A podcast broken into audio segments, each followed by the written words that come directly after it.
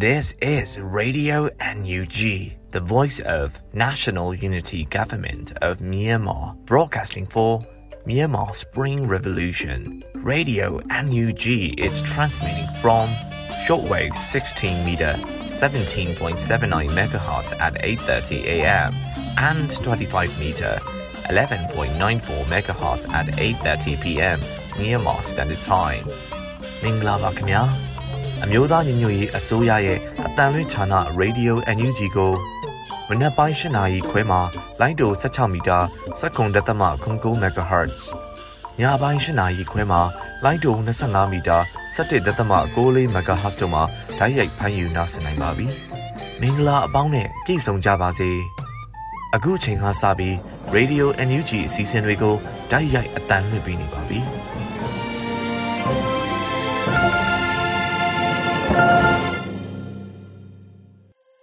မြန်မာနိုင်ငံသူနိုင်ငံသားအပေါင်းတဘာဝပြီးစစ်အာဏာရှင်ပြည်သူကနေကင်းဝေးပြီးဘေးကင်းလုံခြုံကျန်းမာကြပါစေလို့ရေဒီယို UNG အဖွဲ့သားများကဆုတောင်းမြတ်တာပို့သလာရပါတယ်ရှင်ပထမဆုံးအနေနဲ့ကာကွယ်ရေးဝန်ကြီးဌာနရဲ့စစ်ရေးသတင်းအကျဉ်းချုပ်ကိုစော်တဲလူလေးမှတင်ပြပေးမှာဖြစ်ပါတယ်ရှင် မင်္ဂလာပါအခုချိန်ရစပြီးအမျိုးသားညီညွတ်ရေးဆိုရကာကွယ်ရေးဝန်ကြီးဌာနကထုတ်ဝေသောနိုင်စဉ်စီရေးသတင်းချင်းချုပ်များကိုစတင်ဖတ်ကြားပေးမှာဖြစ်ပါတယ်စစ်ကောင်စီတပ်သား၈ဦးသေဆုံးပြီးစစ်ကောင်စီတပ်သား၃ဦးဒဏ်ရာရရှိခဲ့တယ်လို့သတင်းရရှိပါတယ်စစ်ကောင်စီနဲ့တိုက်ပွဲဖြစ်ပွားမှုများမှာကရင်ပြည်နယ်တွင်အောက်တိုဘာ6ရက်နေ့ည10:00နာရီခန့်ကဒီမော့ဆိုမြို့နယ်တွင်စစ်ကြောင်းထိုးလာသည့်စက္ကစစစ်ကြောင်းကိုဗတ်တလိန်ရွာတွင် KA KNDF B9 ဒီမော့ဆို PDF တရင်စီစုပေါင်းတပ်များစုပေါင်းပြီးမိနစ်30ခန့်ဝင်ရောက်ပစ်ခတ်ရာစစ်ကောင်စီဘက်မှအထိခိုက်များခဲ့ပြီးတိုက်ပွဲဖြစ်ပွားနေစဉ်ခမရ၄နှစ်ခွန်တက်မှလက်နက်ကြီးများဖြင့်ပစ်ခတ်ခဲ့ရာဒီမော့ဆိုရှိဘက်ချန်ရှိကြေးရွာအတွင်းလက်နက်ကြီး၃လုံးကြားရောက်ခဲ့၍နေအိမ်နှလုံးထိခိုက်ပြီးကြက်တကောင်သိဆုံးခဲ့ကြောင်းသိရရှိပါရခင်ဗျာ။ ဩဂုတ်လ6ရက်နေ့ကဒီမော့ဆိုမြို့နယ်စံပြ6မိုင်ကျေးရွာနီးတွင်ပြည်သူ့ကာကွယ်ရေးတပ်ဖွဲ့ဝင်များထောင်ထားသောမိုင်းနှင့်မိ၍စစ်ကောင်စီတပ်သား၄ဦးသေဆုံးသွားရာထိုအလောင်းအားလာတဲ့သောစစ်ကောင်စီတပ်သားများအားပြည်သူ့ကာကွယ်ရေးတပ်များမှ60မမလက်နက်ကြီးများဖြင့်ထပ်မံတိုက်ခတ်၍ဒဏ်ရာရသူများပြခဲ့ပြီးကစင့်ကလေးအားစုတ်ခွာထွက်ပြေးခဲ့ကြတယ်လို့သိရရှိပါရခင်ဗျာကရင်ပြည်နယ်တွင်ဩဂုတ်လ6ရက်နေ့နေ့လယ်2နာရီခန့်ကမြောက်ရီမြို့နယ်မြောက်ရီဝေါ်လီကားလမ်းပေါ်ရှိသုံးတက်ကွေအနီးသို့ ကျူးကျော်ရန်ကြိုးစားခဲ့ကြသည့်စစ်ကောင်စီတပ်မ44လက်အောက်ခံများနှင့်ကော်ဘရာစစ်ကြောင်းတို့တိုက်ပွဲဖြစ်ပွားခဲ့ပြီးစစ်ကောင်စီတပ်သားတအူးသေဆုံးက3ထပ်မံပြင်းထန်ဒဏ်ရာရရှိခဲ့တယ်လို့သတင်းရရှိပါရခင်ဗျာစကိုင်းတိုင်းတွင်ဩဂုတ်လ9ရက်နေ့နနက်6နာရီခန့်ကတန့်စင်မြို့နယ်တန့်စင်မြို့တောင်ဘက်စစ်စေးရေးဂိတ်သို့ထွက်လာသောရဲတပ်သားများလိုက်ပါလာသည့်ကားတစ်စီးကိုရွှေဘိုခရိုင်တရင်25 TPC နှင့်ပြည်သူ့ကာကွယ်ရေးအဖွဲ့တန့်စင်တို့ပူးပေါင်းပြီးဝင်ရောက်ပစ်ခတ်တိုက်ခိုက်ရာ ရဲ9ဦးသေဆုံးခဲ့ပြီး G3 6လက်သိမ်းဆည်းရရှိခဲ့တယ်လို့သတင်းရရှိပါရခင်ဗျာ။အော်ဂိုလာ6ရက်နေ့နေ့လယ်တနာရီ7မိနစ်ခန့်ကမြင်းမှုမြို့နယ်ဗိုလ်မင်းကြီးကင်းကျေးရွာနှင့်ဂွေးပင်တော်ကျေးရွာကြားတွင်စကိုင်းမြို့မှအုံရမြို့သို့ထွက်ခွာလာသည့်စစ်ကောင်စီက14စီးပါရင်တန်းကို Black Eagle Defense Force MMU မြင်းမှုလင်းယုံနဲ့ကာကွယ်ရေးအဖွဲ့ People's Defense Force မြင်းမှုမြင်းမှုတရက်စီပြောက်ကြားအဖွဲ့မြောင်မြို့နယ်ပြည်သူ့ကာကွယ်ရေးနှင့်လုံခြုံရေးအဖွဲ့ CDSOM စသည့်မဟာမိတ်ပူးပေါင်းတပ်ဖွဲ့များကနှစ်ကြိမ်မိုင်းဆွဲတိုက်ခိုက်ရာနှစ်စီးမြောက်ကားနဲ့သုံးစီးမြောက်ကားတို့ကိုထိထိမိမိထိမှန်ခဲ့ပြီးစစ်ကောင်စီတပ်သားအများအပြားအပြင်းထန်ဒဏ်ရာရရှိခဲ့တယ်လို့သတင်းရရှိပါရခင်ဗျာစစ်ကောင်စီကျူးလွန်သောရာဇဝတ်မှုများမှာမုံပြည်နယ်တွင်အောက်ဂုတ်လ6ရက်နေ့မနက်၈နာရီခန့်ကဘီလင်းမြို့နယ်ရွှေရောင်မြချေရွာအုပ်စု တိတ်ထီအောင်ဘုံကြီးကျောင်းရှိရှိကိုသားငယ်ဆိုင်ငယ်ပြင်ဆိုင်တွင်ကိုသားငယ်၏တူတော်ဆက်သူကိုပြည့်စုံအောင်အားစစ်ကောင်စီတပ်မှကားတစ်စီးဖြင့်လာရောက်ဖမ်းဆီးသွားပြီးနောက်တနအီခန့်အကြာတွင်စစ်ကောင်စီအင်အား၁၀ရောက်ကျော်ဖြင့်နောက်တစ်ကြိမ်ရောက်လာပြီးကိုသားငယ်နှင့်ဆိုင်တွင်ရှိသောဆိုင်ငယ်လာပြင်သူတအုပ်ကိုပါဖမ်းဆီးသွားခဲ့တယ်လို့သတင်းရရှိပါရခင်ဗျာစကိုင်းတိုင်းတွင်ဩဂုတ်လ9ရက်နေ့ကစကိုင်းမြို့နယ်ရတနာပုံတရားဝန်ထမ်းများကိုစကားဆမှ ဖုံးအုံပြုတ်ပြင်ပိတ်ထားခဲ့ပြီးဝန်ထမ်း2ဦးကိုဖမ်းဆီးစစ်ဆေးမှုများပြုလုပ်ခဲ့တယ်လို့သတင်းရရှိပါရခင်ဗျာမန္တလေးတိုင်းတွင်ဩဂုတ်လ9ရက်နေ့နေ့လယ်12နာရီခွဲခန့်ကအောင်မြေသာဆန်မြို့နယ်16လမ်းနှင့်82လမ်းကြားတွင်လူငယ်2ဦးစီးလာသောကလစ်ဆိုင်ကဲအားစစ်ကောင်စီမှ Probox ကားဖြင့်နောက်မှလိုက်၍တနက်5ချက်တိတိပြစ်ခတ်ဖမ်းဆီးရာလူငယ်2ဦးထိမှန်သိဆုံးသွားပြီးကြံ2ဦးမှထွက်ပြေးခဲ့တော်လဲနေအိမ်တအိမ်ထဲတွင်မိက၎င်းနေရာမှာတွင်ပြစ်တက်ခံခဲ့ရတယ်လို့သိရရှိပါရခင်ဗျာ။ အောက်ဂိုလာ6ရက်နေ့ညနေ4နာရီခန့်ကအောင်မြေသားဆန်မြို့နယ်89လမ်း14လမ်းနဲ့15လမ်းကြားရှိအောင်မြေသားဆန်မြို့နယ် NLD အလုံးမှုဆောင်ဦးနေလင်းဖမ်းဆီးခံခဲ့ရတယ်လို့တင်ရရှိပါရခင်ဗျာ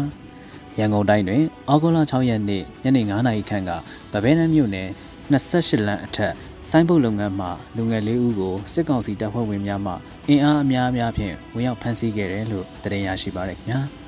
ဩဂုတ်လ6ရက်နေ့ကတွန်တင်းမြို့နယ်တကွန်တိုင်းကျေးရွာမှလူငယ်များကိုစစ်ကောင်စီတရင်ပေးများ၏တိုင်ကြားချက်ကြောင့်စစ်ကောင်စီအဖွဲ့ဝင်များမှဝင်ရောက်ဖမ်းဆီးခဲ့တယ်လို့တင်ရရှိပါရခင်ဗျာ။ဩဂုတ်လ6ရက်နေ့ကတွန်တင်းမြို့နယ်မင်းမှန်ရက်ကနေကိုစိုးလွင်နှင့်ဇနီးတို့ကိုစစ်ကောင်စီအဖွဲ့ဝင်များမှဖမ်းဆီးခဲ့ပြီးနေအိမ်ကိုလည်းချိတ်ပိတ်သွားခဲ့တယ်လို့တင်ရရှိပါရခင်ဗျာ။တနင်္သာရီတိုင်းတွင်ဩဂုတ်လ6ရက်နေ့နေ့လယ်2နာရီခွဲခန့်ကပူလောမြို့နယ်ဇရက်စိတ်ရာတွင်စစ်ကောင်စီတပ်သားများနှင့်ပြည်စောထီးများမှကိုဝင်းဘိုကိုခဲလုံးကျင်နှင့် ဦးညွန့်ရှိန်တို့၃ဦးကိုဖမ်းဆီးသွားခဲ့တယ်လို့တင်ရရှိပါရခင်ဗျာ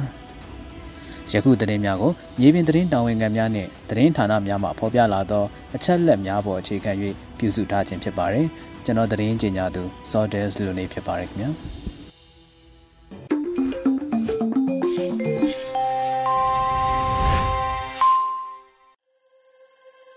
ဆက်လက်ပြီး Radio UNG ရဲ့နောက်ဆုံးရသတင်းများကို ຫນွေဦးမောင်မှဖက်ကြားတင်ပြပေးပါမယ်ရှင်။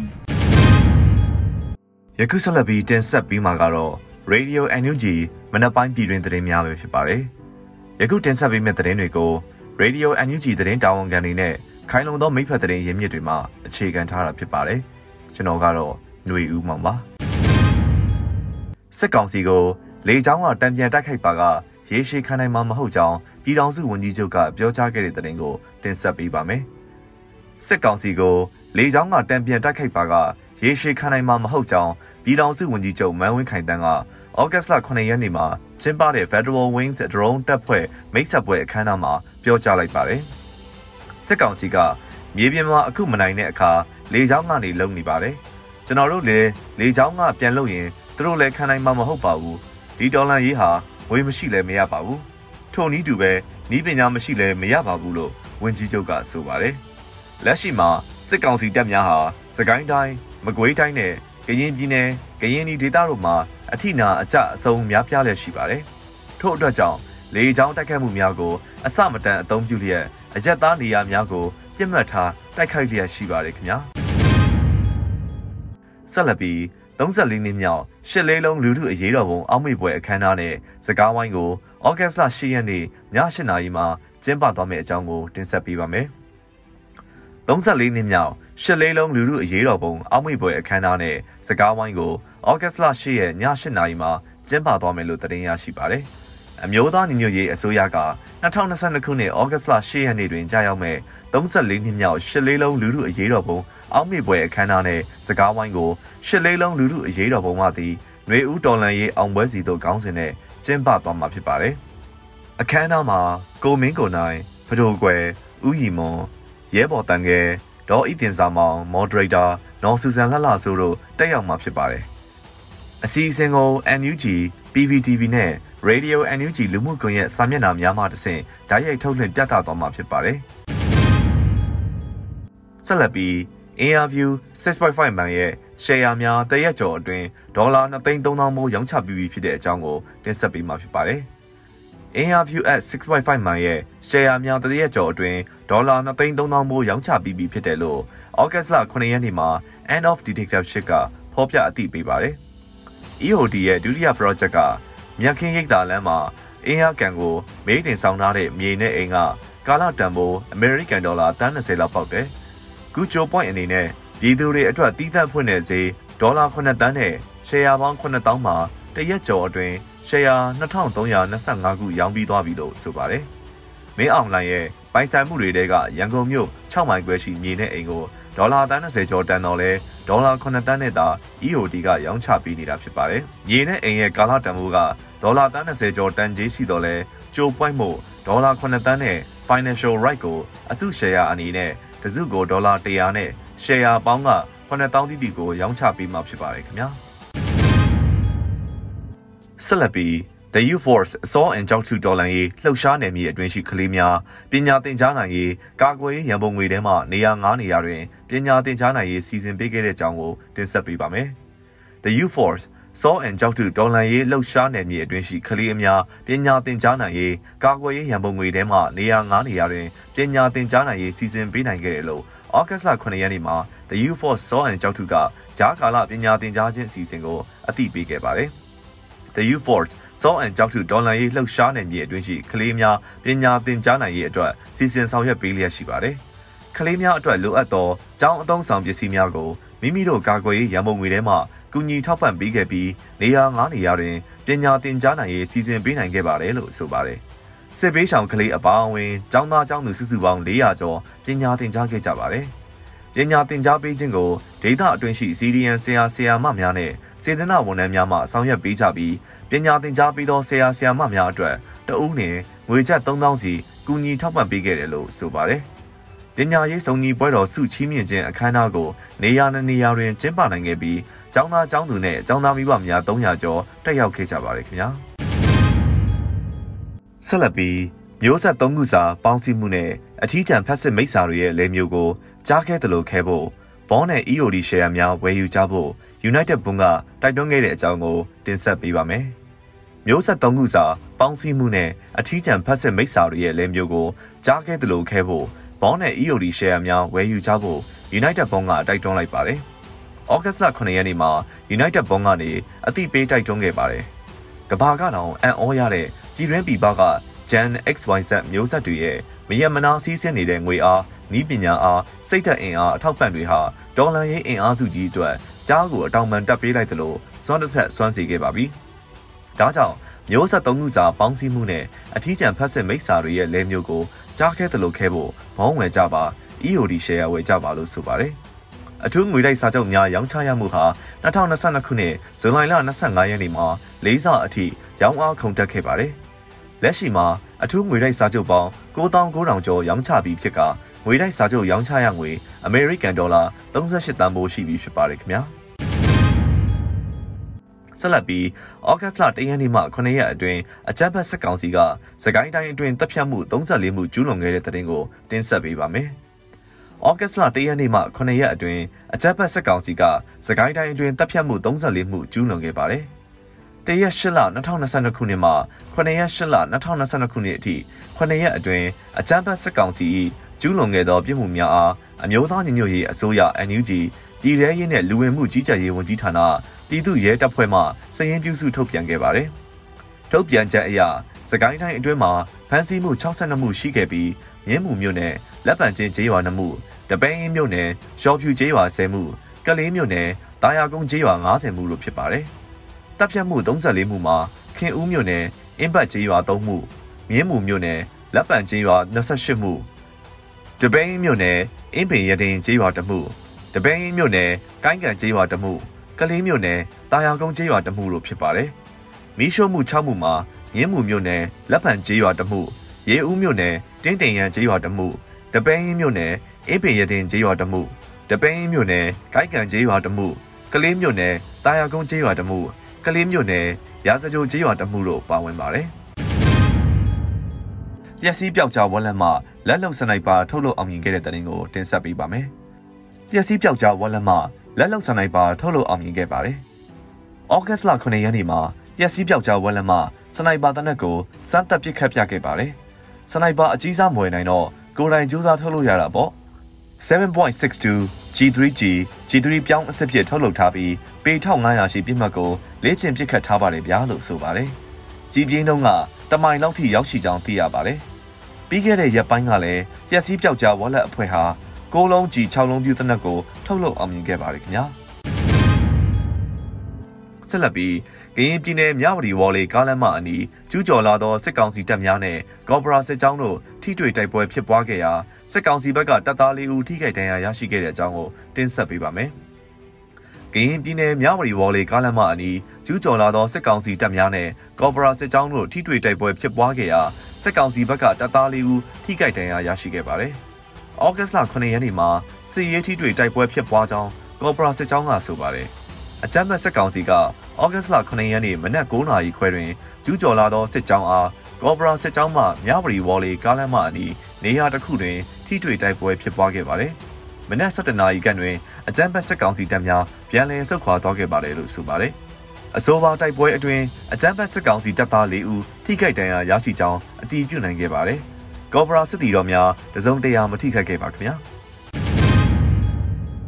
နောက်ဆုံးသတင်းအနေနဲ့အင်ချီနေရာကရှိသောတပင်းမြို့နယ်ကိုင်းကန်ရွာကိုအကြမ်းဖက်စစ်တပ်မီးရှို့၍အင်ချီ150ကျော်မီးလောင်ဆုံးရှုံးခဲ့တဲ့သတင်းကိုတင်ဆက်ပေးပါမယ်။အင်ချီနေရာကရှိသောတပင်းမြို့နယ်ကိုင်းကန်ရွာကိုအကြမ်းဖက်စစ်တပ်မီးရှို့၍အင်ချီ150ကျော်မီးလောင်ဆုံးရှုံးခဲ့ပါတယ်။ဩဂတ်စ်လ9ရက်နေ့မှာတပင်းမြို့နယ်ဆက်ဆောင်ထောက်ပံ့ရေးကဆိုပါတယ်။ယခုလ4ရက်နေ့ကတပင်းမြို့နယ်ကိုင်းကန်ရွာကိုအကြမ်းဖက်စစ်တပ်မှရဟတ်ရင်ပြစ်ပစ်ခတ်ပြီးအင်အားများချက ရုတ်တရက်စစ်ကြောင်းထိုးခဲ့ပါတယ်။ရဟတ်ရင်ပြစ်ပစ်ခတ်မှုကြောင့်အသက်ဆုံးရှုံးခဲ့ရသောပြည်သူအချို့ရှိခဲ့ပြီးရွာသားအချို့ဖမ်းဆီးခေါ်ဆောင်ခံခဲ့ရပါတယ်။6ရက်နေ့မနက်မှာအဆိုပါအကြမ်းဖက်စစ်တပ်မှအကြောင်းမဲ့သက်သက်မီးရှို့ဖျက်ဆီးခဲ့မှုကြောင့်ကိုင်းကန်ရွာရွာလုံးကျွတ်နီးပါးမီးလောင်ဆုံးရှုံးခဲ့ရပါတယ်။ကိုင်းကန်ရွာကအင်ဂျင်200ခန့်ရှိပြီးစစ်တပ်မီးရှို့မှုကြောင့်အင်ဂျင်150ကျော်မီးလောင်ဆုံးရှုံးခဲ့ကကြန့်ရှိသောနေအိမ်အနှဲငယ်တီလည်းအကြမ်းဖက်စစ်တပ်၏မွေနှောက်ဖျက်ဆီးခြင်းခံခဲ့ရပါတယ်လို့ဆိုပါတယ်။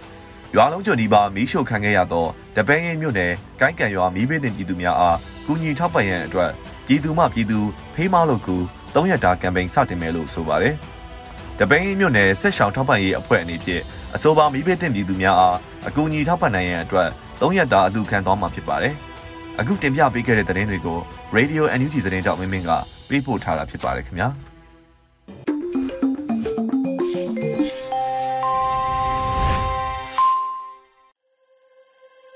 ရေဒီယို UNG သောတာရှင်များရှင်အခုဆက်လက်ပြီးသခင်အန်ရေးသားတင်ပြထားတဲ့ရှစ်လေးလုံးရဲ့34နှစ်ခီလွေဦးမှာအဆုံးသတ်ရမယ်ဆိုတဲ့ဆောင်းပါးကိုနားဆင်ကြရမှာဖြစ်ပါတယ်ရှင်ရှစ်လေးလုံးရဲ့34နှစ်ခီလွေဦးမှာအဆုံးသတ်ရမယ်2022ခုနှစ်ဩဂုတ်လ10ရက်နေ့ဟာ34နှစ်မြောက်ရှစ်လေးလုံးနှစ်ပတ်လည်နေ့ဖြစ်ပါတယ် မြမသမိုင်းရဲ့ကြီးမားတဲ့အချိုးအကွေ့ဖြစ်စဉ်တွေတဲကနေဆွဲတစ်ခုပါပဲတကယ်တော့အမျိုးယုတ်နေဝင်းဟာစစ်အာဏာရှင်စနစ်ကို1958ကစပြီးအသက်သွင်းအစပြိုးခဲ့တာပါအဲ့ဒီအချိန်ကလေးကစစ်အာဏာရှင်တွေကိုမိမိတို့ပြည်သူလူထုဟာလက်မခံခဲ့ကြပဲနီးမျိုးစုံပုံတရံမျိုးစုံနဲ့ တပိတ်မောက်ဆန္ဒပြပွဲတွေပေါ်ပေါက်လာခဲ့ပါတယ်1988အရောက်မှာတော့မိမိတို့ပြည်သူတရက်လုံးဟာစစ်အာဏာရှင်နေဝင်းရဲ့ဖိနှိပ်အုပ်ချုပ်မှုတွေကိုလုံးဝသီးမခံနိုင်တော့တဲ့အဆုံးမှာပြည်သူအားလုံးလှဲနေလှေအောင်မြင်းဆောင်မကြံဆိုသလိုပြည်လုံးကျွတ်ဆန္ဒပြတော်လှန်ခဲ့ကြတယ် စစ်မိတ်စာတို့ထုံးစံအတိုင်းပါပဲသူတို့အာဏာတက်ဆိုးရှည်ဖို့ကိုပြည်သူတွေရဲ့အသက်နဲ့ဆက်ခဲ့ကြတယ်အကြမ်းဖက်စစ်တပ်ဟာလမ်းမထက်ပေါ်မှာပြည်သူတွေသွေးချောင်းစီးအောင်ရရက်ဆက်ဆက်တတ်တတ်နဲ့ပြစ်တက်ခဲ့ကြသလိုညဘက်တွေမှာနေအိမ်တွေကိုတကားတွေလိုက်ခောက်ခဏဆိုတဲ့စကလုံးသုံးပြီးဖမ်းဆီး ထောင်နှစ်ရှည်တွေချတော့ပြည်သူလူထုဟာအာနာရှင်ရဲ့အောက်မှာညညကောင်းပြအောင်မအိပ်ဆက်ခဲ့ကြရပါဘူးအဲ့ဒီချိန်တုန်းကပြည်သူတွေဟာအကြမ်းဖက်စစ်တပ်ကလူစကားနားလေလိမ့်မယ်အထင်နဲ့ငိမ့်ချမ်းစွာဆန္ဒပြတောင်းဆိုယုံမျှနဲ့လုံလောက်လိမ့်မယ်ထင်သူများပြားခဲ့ပြီလက်နက်ကင်တော်လှန်ရေးလမ်းစဉ်ကိုပြည်သူအချို့ကသာ ရွေးချယ်ခဲ့တော့အင်အားအလွန်နှဲခဲ့ပါတယ်ဒါကိုခွင်ကောင်းယူပြီးအကြမ်းဖက်စစ်တပ်ဟာပြည်သူကိုလက်နက်နဲ့အနိုင်ကျင့်နှစ်ပေါင်းများစွာအုပ်ချုပ်လာခဲ့တော့တယ်ယခုຫນွေဦးတော်လှန်ရေးကြီးရောက်လာပြန်တော့လေစစ်အာဏာရှင်တွေရဲ့ဇယိုက်ဟာ88နဲ့မချားတဲ့အပြင်ပိုလို့တော့ရက်ဆက်ရုံမှမှုတွေတိုးလှုပ်လာပါဒါကြောင့် မိမိတို့ပြည်သူတွေဟာနောင်မျိုးဆက်တွေအတွက်ဒီလိုစစ်မိတ်စာတွေရဲ့အုပ်ချုပ်မှုကိုမခံရဘူးရရလက်နဲ့ဆွဲကင်ပြီးခုခံတွန်းလှန်ဖို့စီစဉ်ရပါတော့တယ်။ຫນွေဦးဟာရှစ်လေးလုံးနဲ့မတူတဲ့ထူးခြားချက်တွေများစွာရှိတာအားလုံးသိပါပဲဒီချက်တွေထဲမှာတိတာအထင်ရှားဆုံးကပြည်သူလူထုဟာ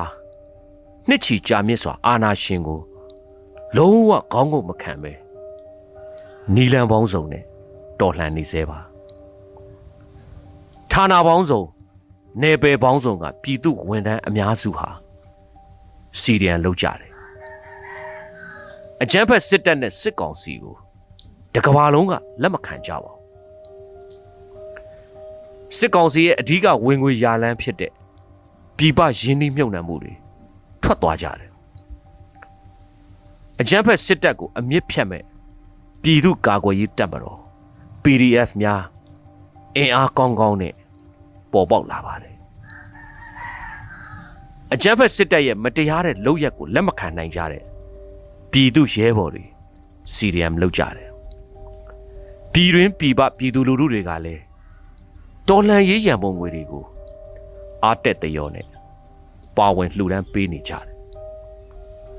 ຫນွေဦးတော်လှန်ရေးဟာမုတ်ချအောင်မြင်မယ်။ຫນွေဦးဟာမြမတမိုင်းမှာစစ်အာဏာရှင်တော်လှန်ရေးရဲ့နောက်ဆုံးတိုက်ပွဲပဲဖြစ်တယ်။ဒီຫນွေဦးမှာအဆုံးမတက်ရင်မိမိတို့နောင်မျိုးဆက်ထိစစ်မိတ်စာကိုဆက်ပြီးတော်လှန်နေရလိမ့်မယ်။ဒါကြောင့်ရှစ်လေးလုံးရဲ့34နှစ်ခရီး ဒီຫນွေဦးမှာအဆုံးတက်ရင်စစ်မိတ်စာဟူသမျှမြမမြေပေါ်ကအပီးတိုင်ပျောက်ကွယ်ဖို့ຫນွေဦးတော်လှန်ရေးကြီးမှာမိမိတို့ပြည်သူများကြရအခန်းကဏ္ဍကနေဆက်လက်ပါဝင်ပေးကြပါလို့တိုက်တွန်းလိုက်ပါစေအရေးတော်ပုံအောင်နေပါပြီသခင်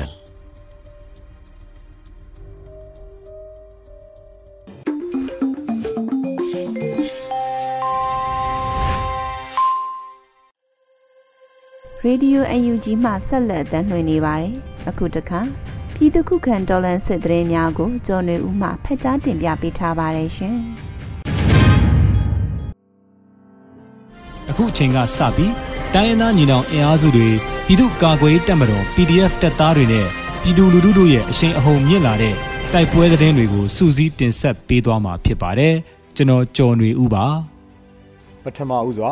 ဒဇယ်မြို့ပေါ်မှာကင်းလှည့်နေတဲ့ရဲကားကိုပြစ်ခတ်တိုက်ခတ်ရာရဲ9ဦးသေဆုံးပြီး G3 တနက်6လက်တင်စီရမိတဲ့တဲ့တင်ဆက်ပါမယ်။စကိုင်းတိုင်းဒဇယ်မြို့ပေါ်တောင်ဘက်စစ်စေးဂိတ်အနီးမှာကင်းလှည့်ထွက်လာတဲ့ရဲကားကိုရွှေဘိုခရိုင်တပ်ရင်း25 TPC နဲ့မြို့နယ်ပကဖပူးပေါင်းအဖွဲ့တို့က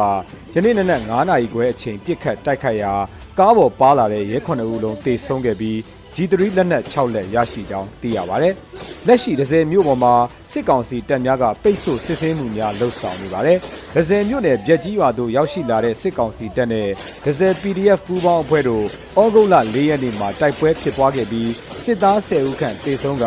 ကြီးစံတဲ့ဘုံဒီများတင်စီရမိခဲ့ပါသေးတယ်။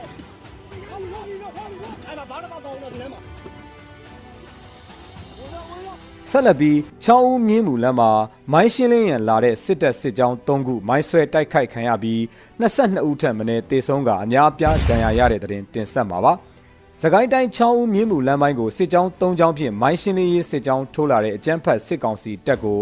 ဩဂုတ်လ6ရက်နေ့မှာဒေသခံကာကွယ်ရေးတပ်များက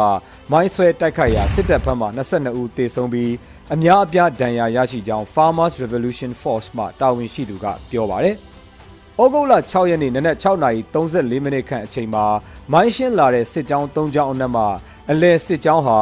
ဂျမ်ပါကားကြီးနဲ့အတူအင်အား40ခန့်လမ်းလျှောက်လာစဉ်မိုင်းဆွဲတိုက်ခိုက်ခဲ့ကြောင်းရင်းမိုင်းဆွဲမှုမှာစစ်သား12ဦးသေဆုံးကြောင်းသိရှိရတာပါအဲ့ဒီနောက်ကားလန်းကြီးတောင်ဘက်မှစစ်ကြောင်းကမိုင်းများတင်စီပြီးဖြုတ်ယူရန်ကြိုးပမ်းနေစဉ်ထပေါက်ကွဲကြောင်းလမ်းမကြီးပေါ်မှကြံစစ်ကြောင်းမှလည်းမိုင်းဝင်းပေါ်သို့ကွက်တိရောက်ရှိသဖြင့် 10ဦးထက်မနည်းတေဆုံးကြောင်းမိုင်းဆွဲမှုဖြစ်စဉ်များတွင်စုစုပေါင်းစစ်တပ်ဖက်မှ22ဦးထက်မနည်းတေဆုံးပြီးအများပြားဒဏ်ရာရရှိကြောင်းသိရှိရပါတယ်။အဆိုပါတိုက်ခိုက်မှုကို MRA စကိုင်းခရိုင်တပ်ရင်းက Farmers Revolution Force တပ်ရင်းတို့ပူးပေါင်းဆောင်ရွက်ခဲ့တာလို့သိရှိရပါတယ်။မြိုင်မြို့နယ်တွင်းမှကြီးရွာပြူစောတိစစ်စခန်းကို PDF မဟာမိတ်တပ်များပူးပေါင်းတိုက်ခိုက်မှုစစ်ကောင်စီဘက်မှ38ဦးသေဆုံးပြီး PDF 3ဦးကြဆုံးတဲ့တဲ့ဆက်လက်တင်ဆက်မှာပါ။ မကွေးတိုင်းမြို့နယ်တွင်းမှကြေးရွာရှိပြူစောတိစစ်စခန်းကို PDF မဟာမိတ်တပ်များပူးပေါင်းတိုက်ခိုက်မှုစစ်ကောင်စီဘက်မှ38ဦးသေဆုံးပြီး PDF 3ဦးကြာဆုံးခဲ့ကြောင်းမြိုင်မြို့နယ်ပြည်သူ့ကာကွယ်ရေးတပ်ဖွဲ့ကသတင်းထုတ်ပြန်ပါတယ်။ဩဂုတ်လ6ရက်နေ့နနက်9:25မိနစ်အချိန်မြိုင်မြို့နယ်ပြည်သူ့ကာကွယ်ရေးတပ်ဖွဲ့တပ်ရင်း1ကဦးဆောင်ကပခုတ်ကူမြို့နယ်ပြည်သူ့ကာကွယ်ရေးတပ်ဖွဲ့ PPDF 3 in 1 တပ်ဖွဲ့မိုးပြန်ရက်ကြီးပကခပုံတောင်ညီနောင်တပ်ဖွဲ့ မကွေး PDF ဂလုံပြည်သူ့ကာကွယ်ရေးတပ်ဖွဲ့ MUGTF တပ်ဖွဲ့ West Area Guerrilla Force ဇာမနီပျောက်ကြားတပ်ဖွဲ့တို့ပူးပေါင်းကတွင်းမှပြူစောတိစကန်ကိုဝင်ရောက်တိုက်ခိုက်ခဲ့ခြင်းဖြစ်ကြောင်းသိရှိရပါတယ်။ PDF မဟာမိတ်များရဲ့စုပေါင်းတိုက်ခိုက်မှုကြောင့်စစ်ကောင်စီဘက်မှ34ဦးပွဲချင်းပြီးတေဆုံးကစစ်ကူလာတဲ့စစ်ကြောင်းကိုလည်းလမ်းမှာမိုင်းဆွဲတိုက်ခိုက်ရာဆိုင်ကယ်9စီးမှာ3စီးဟာနေရာတွင်ပျောက်ထွက်သွားကြောင်းအခြားဆိုင်ကယ်4စီးမှာအော်ဟစ်ကြောက်လန့်ထွက်ပြေးကြောင်း ထွက်ပြေးသွားသောဆိုင်ကယ်၄စီးကိုပြစ်ခတ်ရာနှစ်စီးသာလွတ်သွားပြီးတွင်းမှစာတင်ကြောင်းနဲ့ဝင်သွားခဲ့ကြောင်းသိရှိရပါတယ်။တွင်းမှကြေးရွာစခန်းကိုတိမ့်နိုင်ရန်စ조사တော်လဲလေကြောင်းမြေပြင်စစ်ကြောင်းတို့စစ်ကူလာ၍ပြန်လည်ဆုတ်ခွာခဲ့ရကြောင်းတိုက်ပွဲတွင်ပြည်သူရဲဘော်3ဦးမြင့်မြတ်စွာကြာဆုံးခဲ့ရပြီး9ဦးမစိုးရင်ရဒဏ်ရာရရှိခဲ့ကြောင်းတိုက်ပွဲတွင်စစ်တပ်ဘက်မှပြူစောတိခေါင်းဆောင်ပခုတ်ကူခလာရ259မှစစ်သား9ယောက်အပါအဝင် 38ဦးသေဆုံးကြောင်းဒဏ်ရာရရှိသူ28ဦးပခုတ်ကူစေယုံကြီးပို့ဆောင်စေကူတာနေကြောင်းသိရှိရပါတယ်။တိုက်ပွဲဟာနနက်9:28မိနစ်မှနနက်6:41မိနစ်အထိကြာမြင့်ခဲ့ပြီးတိုက်ပွဲကုန်ကြစည်မှာ3800ခန့်ကုန်ကြခဲ့ကြောင်းမိဘပြည်သူများရဲ့ကူညီထောက်ပံ့မှုကြောင့်ယခုလိုတိုက်ပွဲများဖော်ဆောင်နိုင်ခြင်းဖြစ်ကြောင်းတက်နိုင်သည့်ဘက်မှဆက်လက်ကူညီထောက်ပံ့ကြရန်မြစ်တာရက်ခံအကြောင်းမြိုင်မြို့နယ်ပြည်သူ့ကာကွယ်တပ်ဖွဲ့ကသတင်းထုတ်ပြန်ထားပါတယ်။ ဆက်လက်ပြီးတင်ဆက်မှာကတော့ဘုဒ္ဓလင်မှာစစ်ကြောင်းမိုင်းဆွဲခံရပြီး9ဦးသေဆုံးတဲ့တဲ့တင်ပါ။စကိုင်းတိုင်းဘုဒ္ဓလင်မြို့နယ်မှာဘုဒ္ဓလင်မုံရွာကားလမ်းပေါ်ယနေ့နနက်9နာရီအချိန်စစ်ကောင်စီတပ်နဲ့ကနောင်ပြည်သူ့ကာကွယ်တပ်တို့တိုက်ပွဲနှစ်နေရာဖြစ်ပွားပြီးစစ်တပ်ဘက်မှ9ဦးသေဆုံးကြောင်းကနောင်ပြည်သူ့ကာကွယ်တာဝန်ရှိသူကပြောဆိုပါရယ်။နောက်ဆုံးအနေနဲ့မုံရွာမန္တလေးလမ်းမှာမိုင်းရှာထွက်လာတဲ့စစ်ကောင်စီတပ်ဖွဲ့မိုင်းခွဲခံရပြီး၄ဦးသေဆုံးတဲ့တဲ့တင်တင်ဆက်ပါမယ်။ မုံရွာမန္တလေးကားလမ်းတနေရာမှာမိုင်းရှာထွက်လာတဲ့အကြမ်းဖက်စစ်ကောင်စီတပ်ရဲ့ခြေလျင်ကားများနဲ့မိုင်းရှာကားတစ်စီးကိုဒေသကာကွယ်တပ်ဖွဲ့ Brave Heart Army BHA ကယမနေ့ဩဂုတ်လ6ရက်မှာမိုင်းခွဲတိုက်ခိုက်ရာစစ်သား၄ဦးသေဆုံးကြောင်းသတင်းရရှိပါတယ်။အဆိုပါစစ်ကောင်စီတပ်ဖွဲ့ကိုရှေ့ထွက်မိုင်းနှလုံးဖြင့်ဖောက်ခွဲတိုက်ခိုက်၍စစ်သား၄ဦးသေဆုံးကအချို့ဒဏ်ရာရသွားကြောင်း BHA ကသတင်းထုတ်ပြန်ထားတာပါခင်ဗျာ။